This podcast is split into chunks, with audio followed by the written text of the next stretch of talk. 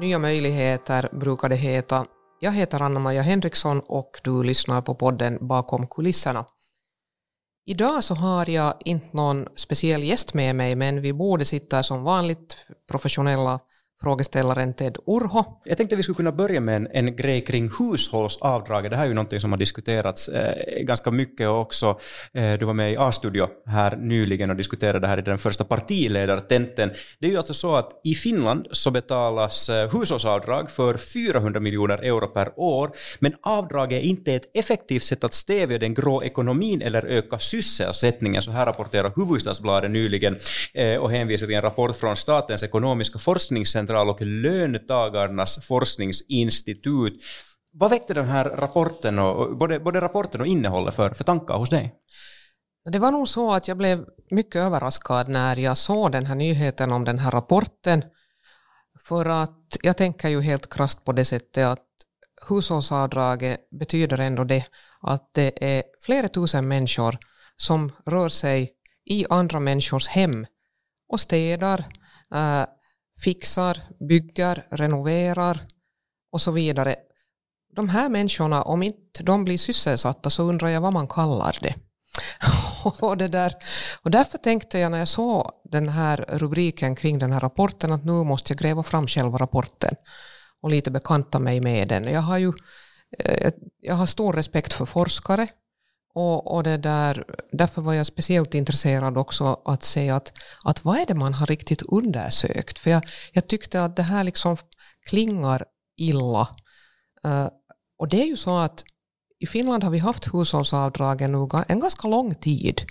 Och det visar sig när jag börjar bläddra i den här rapporten att man har alltså undersökt egentligen två olika saker.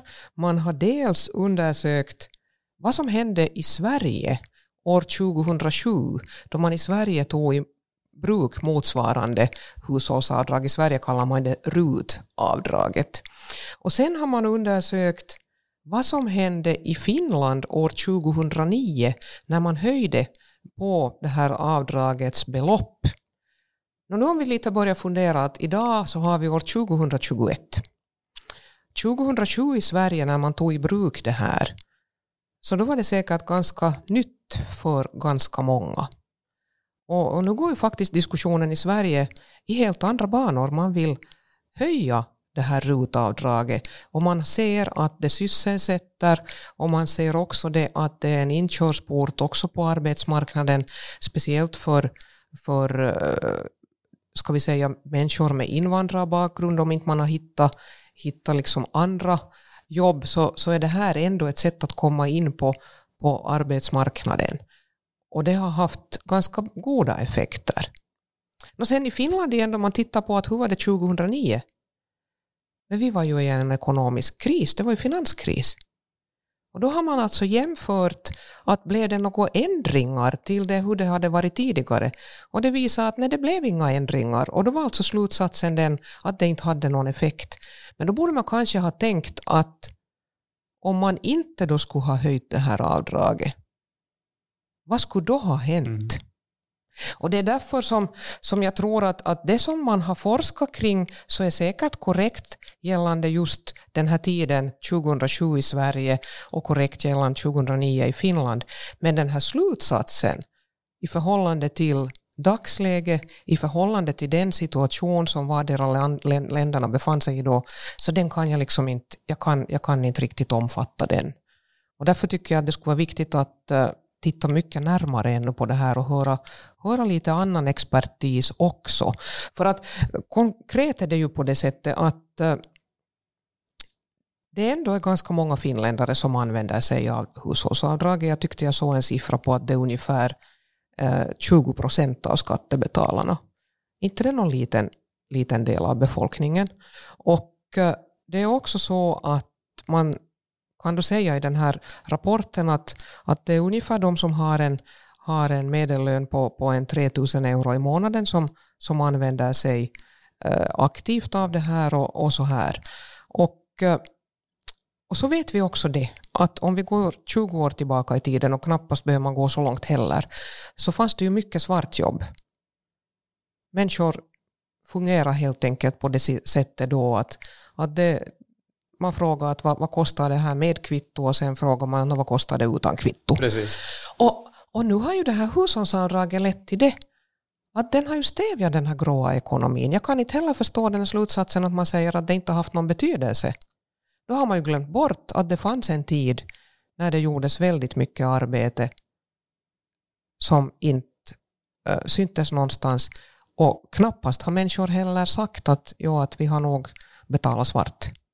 Rätta mig om jag har fel, men var det inte så att, alltså att SFP i, i tiden har varit ganska pådrivande på att få det här, det här alltså, eh, avdraget infört? Absolut var det så. Och det var, ju, det var ju också på det sättet att jag kommer bra ihåg då när jag var medarbetare åt Ulla-Maj Wideros när hon var andra finansminister 2003-2004.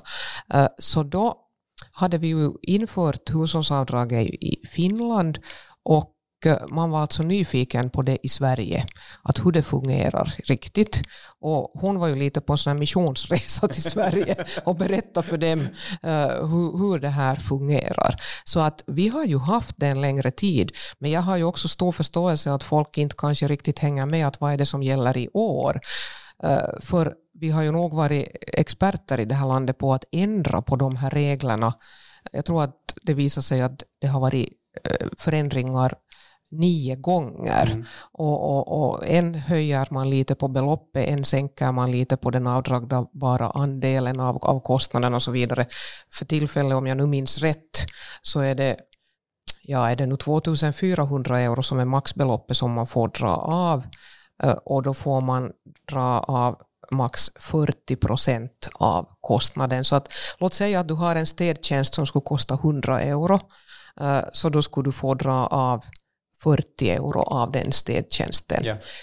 i praktiken. Men sen kommer då, det finns också ett, en, en självrisk på 100 euro, så att använder man en städtjänst en gång i månaden som kostar 100 euro, så får du inte riktigt dra av hela den där 40 procenten. Nå, summa summarum, så Svenska folkpartiet har ju länge talat för att vi tror trots allt på den sysselsättande effekten, för jag tror fortfarande det att, det att jag ser att människor jobbar hemma hos andra människor och vi vet att det är många som gör det och använder sig av det här avdraget. Det är klart att det skapar arbetstillfällen. Jag, jag tycker det är liksom den mest logiska saken att inse att det hänger ihop så. Och då borde man ju kanske fundera att vad skulle hända om inte vi skulle ha det här avdraget? Då skulle det falla bort en massa arbetsplatser. Så att i den här undersökningen som, som du nu lyfte upp här i början och som alltså eh, publicerades ganska nyligen, så, så där kom det också fram att man hade intervjuat drygt 800 personer eh, kring användningen av hushållsavdraget. Men där blev jag också att fundera för att det kom också fram i texten att, att, att ungefär hälften av de som använder hushållsavdraget är pensionärer. Men samtidigt, så bland de här 800 respondenterna så hade man inte intervjuat någon över 65 år. Och då förstår jag liksom inte heller att hur tänkte man då? Att hur skulle man då av det få en helhetstäckande bild av hur de som nu då använder det här avdraget ser på det. Så att jag har många frågeställningar och jag, jag tror att det skulle säkert vara en bra sak att också ta en diskussion med de här forskarna som har gjort den här rapporten. Hur, hur ser det ut för dig själv? Använder du eh, hushållsavdrag? Jag använder nog hushållsavdraget på det sättet att, att på grund av, av mitt jobb så har det ganska länge varit så att, att uh, det behövs lite städhjälp. Och uh, till den delen så, så har vi nog haft en längre tid uh, någon som har hjälpt till med städningen hemma hos oss. Och jag har hunnit anlita ganska många olika småföretagare för det här och jag vet att det har betydelse för dem. Men jag vet ju också att det finns många, eh, många andra som anlitar hus, eller hushållshjälp. Det finns må, många människor också som då när man till exempel behöver få få något renoverat i sitt hem eller behöver få, få det där stöd och hjälp med snöskottning eller, eller har en äldre förälder som behöver hemservice, hemhjälp. Eh, så då kan man också anlita eh, tjänster som berättigar till hushållsavdrag och det är nog många som använder det. Ja, det handlar ju inte överhuvudtaget om, om den här gamla nidbilden av ett, ett ståndssamhälle med, med, med, med kammarpigor och jungfrur och sånt här, utan det handlar ju om, om att få stöd och hjälp i, i, i, vardagen. No, jag tycker det faktiskt det, och jag tycker faktiskt att man också ska värdesätta det arbete som görs i människors hem. Det är ju inte på något sätt något sämre arbete än något annat. Utan, utan tvärtom, och nu är det ju också så att kan man vara med och medverka till att det föds arbetsplatser så tycker jag att det är en bra sak. Så att det där, det betyder ju inte att jag inte också skulle städa själv. Emellanåt. Och, och, och, det gör jag nog, men, men ett faktum är att i det här arbetet när man jobbar från morgon till kväll så, så är det nog väldigt skönt att, att ibland ha någon som, som kommer och, och, och gör det där grovjobbet på, på tal om det här med att, att, att jobba morgon till kväll, så en liten, liten åsnebrygga. Igår var det, var det A-studio eh, på YLE och eh, det var första gången som partiledarna möttes i, i, i en partiledardebatt på väldigt, väldigt länge känns det som. Hur, hur, var, det, hur var den känslan? No, det var riktigt roligt. Alltså, det var faktiskt väldigt länge sedan vi har suttit i en partiledardebatt och det var också, det var ju också kan man säga första gången nu som, som till exempel exempel eh, Annika Saarikko deltog i egenskap av Centerns ordförande och, och Jussi Saramo deltog nu eh, som vikarie för, för Li Andersson, så det var lite annat, annat upplägg och lite andra människor. Och jag tyckte faktiskt att det var en på det sättet en, en, en liksom rejäl diskussion. Jag tyckte också att, att alla alla betedde sig väl, om jag säger som så. Att eh, det ropades inte på varandra och man talade inte eh, så mycket förbi varandra heller, utan, utan jag tyckte det var, det var en riktigt bra känsla.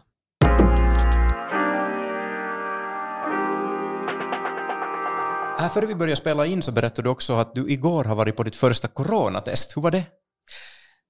Jag var ju beredd på att det skulle vara ganska obehagligt. Eh, men det gick nog ganska bra. Jag, jag fick, fick det där inpetat den där långa slangen. Det känns ju som en liksom sån lång slang som man sätter in dit någonstans i långa vägar in i, in i huvudet känns det som. Men, men det där den här sköterskan sa att andas bara som vanligt och då tänkte jag nu ska jag koncentrera mig på andningen och då gick det ganska bra. Och det var faktiskt för mig nu första gången, jag har inte behövt vara på ett test och den testen gjordes ju just för att eh, Yle gärna ville att alla partiordförande skulle ha ett negativt test i bagaget när vi kom dit så att, att eh, då fick jag ju pröva på det här och det, jag har stor förståelse för att de som har varit många gånger på test kanske inte tycker att det är så kiva. Mm. Um, nu när vi pratar corona och, och restriktioner, det, det, är nästan omöjligt att, att ha föra ett samtal i dagens värld utan att prata om det, så, så då, då kommer man också kanske tänka på de här till exempel obligatoriska testerna för, för inresa och sånt här. Vad väcker det för tankar? Vad, vad, har vi för liksom, hur ser du på restriktionerna just nu? Vad är det vi behöver fundera på? Vad är det, vad är det som är på gång? Alltså det är jätteviktigt nu att vi på allt sätt försöker förhindra det här så kallade muterade viruset att spridas i Finland.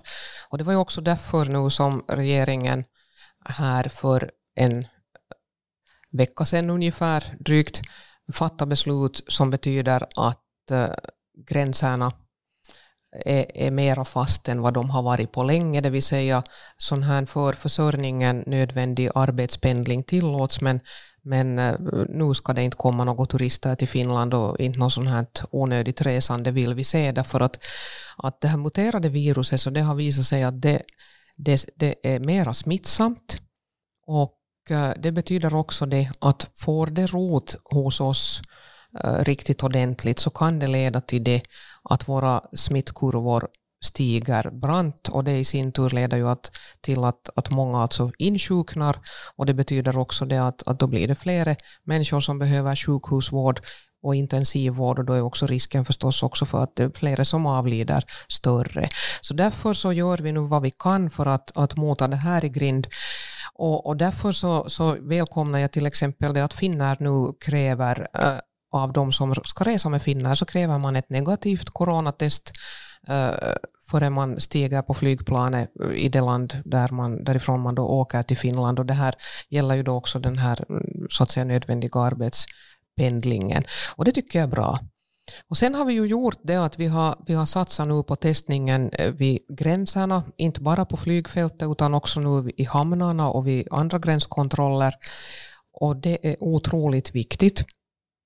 Men sen har vi alltså en juridiskt knepig frågeställning och det är, är frågan om det att kan man, kan man så att säga tvinga en människa i test. Och, och, den här juridiken här bakom, så den är inte alldeles entydig. Eh, det var också därför som det föregående förslaget som regeringen gav till riksdagen inte, inte gick igenom, därför att att det fanns grundlagsproblem i det. Och, och, och, nu så väntar jag också på att våra grundlagsexperter ska kunna ta en lite klarare ställning i det här så vi vet vad som gäller.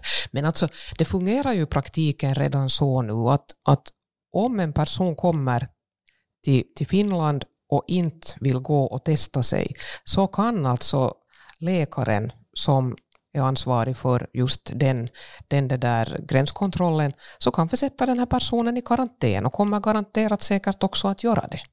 Så att, att det är ju inte så att, att vi vill släppa igenom människor som är potentiella smittospridare men, men den här lagstiftningen måste också göras så att den, den liksom följer, följer regelverket och, och av den anledningen så, så är det ännu en aning oklart hur det här ska skötas i praktiken. Men så att säga, den här smittskyddslagen ger den möjligheten att sätta människor i karantän och det är därför som jag tycker att man nu då i första hand också behöver använda sig av den om en människa eh, vägrar att gå på test när den kommer in till Finland.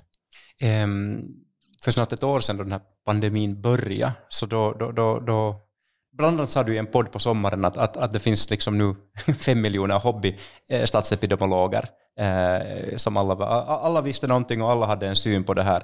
Tror du att, att nu, nu när vi har hållit på i snart ett år och, och det kommer restriktioner både från, liksom, från, från, från regeringen från, från och andra offentliga instanser och det finns många, många tankar och många, många funderingar kring vad som är rätt och riktigt. Tror du att vi kommer att se en uppsjö av, av hobbyjurister också? No, det finns nog en viss tendens till att det finns väldigt många sakkunniga också nu inom juridiken och, och, det, där, och det, det är på gott och ont. Det är bra att människor är intresserade eh, men, men det är klart att det blir lite, det blir lite flåsdebatt. Och, och det, det, det, kan bli också lite liksom onödigt att, att eh, inte det är ju så att något parti vill släppa in det här muterade viruset över gränsen. Men eh, vi måste se till att vi har en lagstiftning som också håller och, och jag tror att man kanske borde hitta lösningen eh, äh, därvidlag att, att när man kommer från riskländer så de människorna som ska testas och vill de inte testa sig så sätts de i karantän. Men att, att det, nu, tittar man på Twitterflödet så, så finns det nog väldigt många experter i det här landet, både på epidemiologi och på, på, på den här typen av eh, juridik som berör de grundläggande rättigheterna. I den offentliga diskussionen så har det också pratats en, en del om, om utegångsförbud och, och, och återinförande av beredskapslagstiftningen. Vad, vad tror du om det här? No, det är ju, jag drar, en, drar en, en djup suck därför att det är ju förstås så att, att vi vill ju på allt sätt nu undvika att vi ska hamna i en sån situation. Att det här viruset sprider sig så snabbt att det inte sen skulle finnas något annat att göra än att på riktigt börja stänga ner samhället helt igen. Och vi, vi vet vad vi var med om förra våren. Jag tror att alla har upplevt det vara väldigt tungt och jag tror att ingen skulle vilja uppleva det på nytt. Så att av den anledningen så är det nu viktigt att man fortsättningsvis i kommunerna, i regionerna, inom sjukvårdsdistrikten tar det lokala och regionala smitt, Eh, smittoläge på stort allvar och att vi alla fortsätter att följa de rekommendationer och restriktioner som nu finns. Och det betyder nog det att att vi ska lyssna noga på THL. Där säger man nu att det här med att använda den här ansiktsmasken är fortsättningsvis viktigt. Det, det, det är verkligen så. Eh, man säger också att, att håll distans på två meter. Man har alltså utökat det från en meter till två meter. Eh, undvik att umgås i större grupper än max tio uh, och, och se till att man inte rör sig där var det är trångt. Det är väl egentligen det. Och håll en god hygien. Vi kan som inte sluta poängtera det att, att hur viktigt det är att tvätta händerna. Och intressant är det ju att se att, att den här vanliga influensan som vi brukar ha i det här landet och vanliga luftvägsinfektioner, de har ju minskat så de är mm. nästan obefintliga. Och det är ju intressant och det här visar ju att, att vi har ju tillsammans, finländarna har, har liksom gemensamt skapat den här situationen som har möjliggjort det att vi trots allt har ett av de bästa läge, lägren i Europa, fastän det nu också har visat sig de här senaste dagarna och den här senaste veckan att antalet smittade har ökat. En annan sak som jag tror att, att folk är ganska nyfikna på, här tänker jag utnyttja den unika chansen jag har att sitta och podda med justitieministern också. Så det är ju det att, att 18 april så är det meningen att vi ska ha kommunalval. Kommer vi att ha kommunalval då? Vad tror du? No, det är ju så att, att äh, vallagen är skriven på, på ett sådant sätt att man ska se till att valen hålls och att demokratin fungerar. Och den här tröskeln att flytta ett val är liksom väldigt, väldigt hög. Och därför så har jag ju sagt det att vi utgår fortfarande i regeringen från att valet kommer att hållas den 18 april. Eh, men det är alldeles klart att, att skulle vi hamna in i en sån situation att det här muterade viruset börjar spridas väldigt snabbt och skulle vi hamna in i den olyckliga situationen att det blir undantagsförhållanden på nytt i Finland, så då, då ser jag ju det nog som så att då, då blir det väldigt osannolikt med det här valet.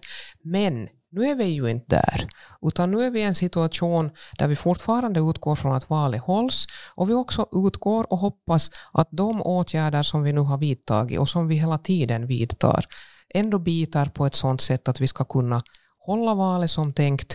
Och här på justitieministeriet så har mina tjänstemän nu på demokratiavdelningen så de har nu ett mycket intensivt samarbete med, med THL för att göra upp uh, anvisningar åt kommunerna för hur man ska organisera valet på ett så, ska vi säga, uh, säkert sätt som möjligt så att människor också vågar gå och rösta. Det, det, är ju inte annars heller lätt att få folk att rösta i kommunalvalet. Det är ju det valet som har lägsta valdeltagande. Mm. Så det är därför som man får hoppas att, att uh, det faktiskt kan ordnas så tryggt och, tryggt och säkert som möjligt. Det är naturligtvis så. Det är ju därför också som man behöver se till att, att det finns tillräckligt med förhandsröstningsplatser och att människor också kan använda sig av möjligheten att rösta utomhus. Man borde också i alla kommuner, uh, tycker jag, se till att det skulle finnas den möjligheten. Uh, och, och, kommunerna har alltså en stor möjlighet själva här att påverka hur man gör det här i praktiken.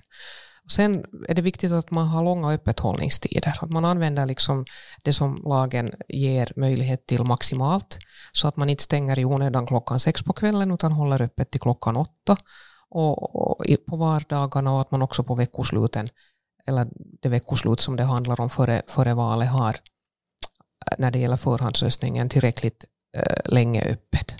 Och det där det här får vi ju sen ännu komma till, eh, återkomma till här närmare, att vi, vi ska se var vi landar med de här anvisningarna. Men, men det är klart att är man till exempel satt i karantän, eh, så då ska man också kunna rösta hemma. Eh, men då måste man meddela om det till, till valnämnden i, i god tid.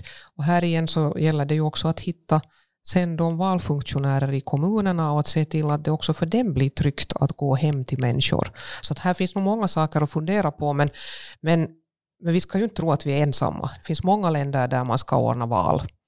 Jag tror att Storbritannien har ett parlamentsval framför sig. Jag tror att Holland också hade något val här framför sig i mars. USA hade presidentval. Eh, så att, att jag tror ju nog att, att om några veckor är vi klokare, men just nu så utgår vi från att valet ska hållas.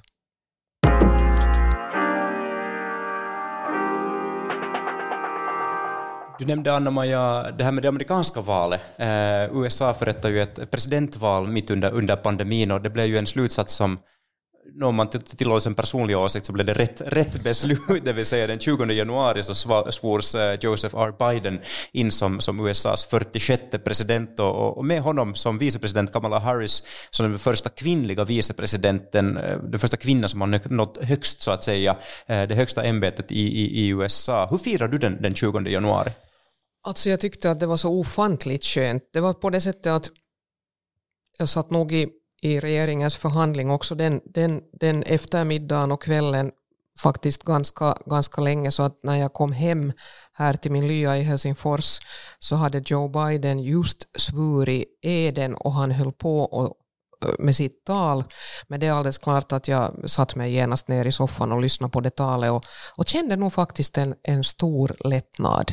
Att nu var det ju som skönt att höra ett sånt här balanserat tal där man igen fick höra om de värderingar som jag åtminstone har uppfattat att eh, USA långt bygger på. Och, och de kom liksom till, till synes igen. Och samtidigt så, så var jag också väldigt lättad över det att eh, det sen inte hände något desto mera. Mm. Att nu var ju den där stormningen av Kapitolium så nu var det ju något alldeles förskräckligt.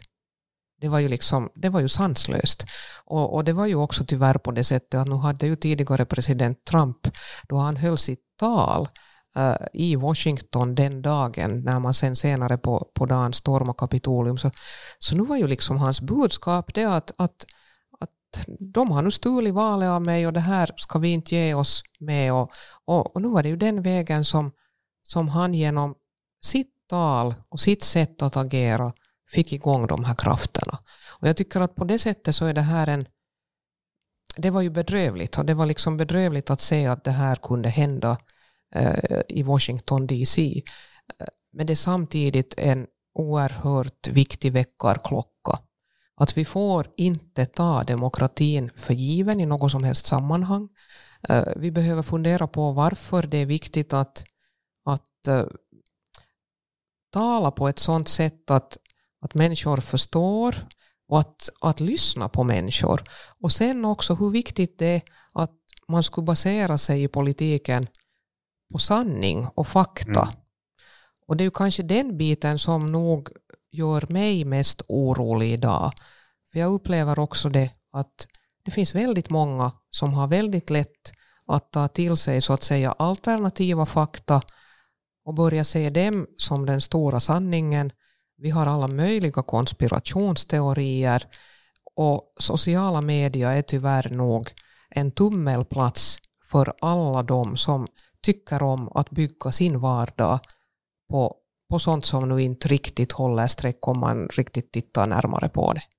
Det var ett intressant fall också det att, att både Facebook och Twitter, de här liksom ledande socialmedieplattformarna, de, de bannlyste ju Donald Trump från, från, sitt, eh, från sina ställen. Och det, många av oss hurrar för det, men till exempel Tysklands förbundskansler Angela Merkel problematiserar det här, och så Alexej Navalny problematiserar det också. Mm. Hur ser du på det att, att, att, en privat aktör, har det med yttrandefriheten att göra eller har det att göra med användare, det att man har gått med på att använda, använda en plattform på ett visst sätt? Vad tycker du att det handlar om?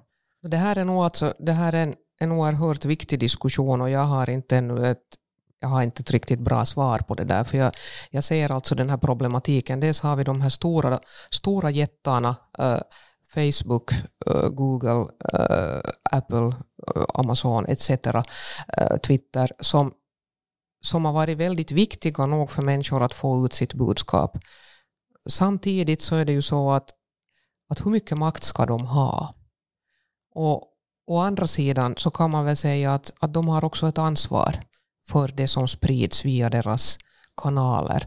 Och jag tror att när det gällde det som den, den dagen när de helt enkelt blockade Donald Trump så tror jag att man var, man var, man var liksom rädd för att det skulle leda till något ännu värre. Och, och, och, det var säkert det som gjorde att man stängde av honom. Men det är klart att nu finns här ju sen en sån här problematik att vem är det som ska göra det här och på basen av vilka spelregler. Och, och där har vi nog vi har ganska intressanta diskussioner framför oss och vi, kommer säkert också bland EUs justitieministrar att beröra det här uh, småningom och jag är helt säker på att, att uh, den här diskussionen den måste börja föras på ett mm, globalt plan. För att vi vill ju inte heller det att inte vill vi att yttrandefriheten ska inskränkas.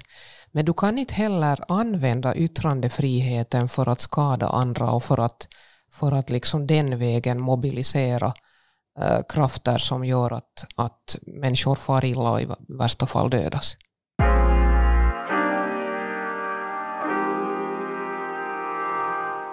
Då säger jag tack åt dig Ted för, för dagens diskussion. Det var riktigt roligt, den här första podden på, på det här året. Och det blir spännande att se ett, på det att ett hurdant år har vi framför mm. oss.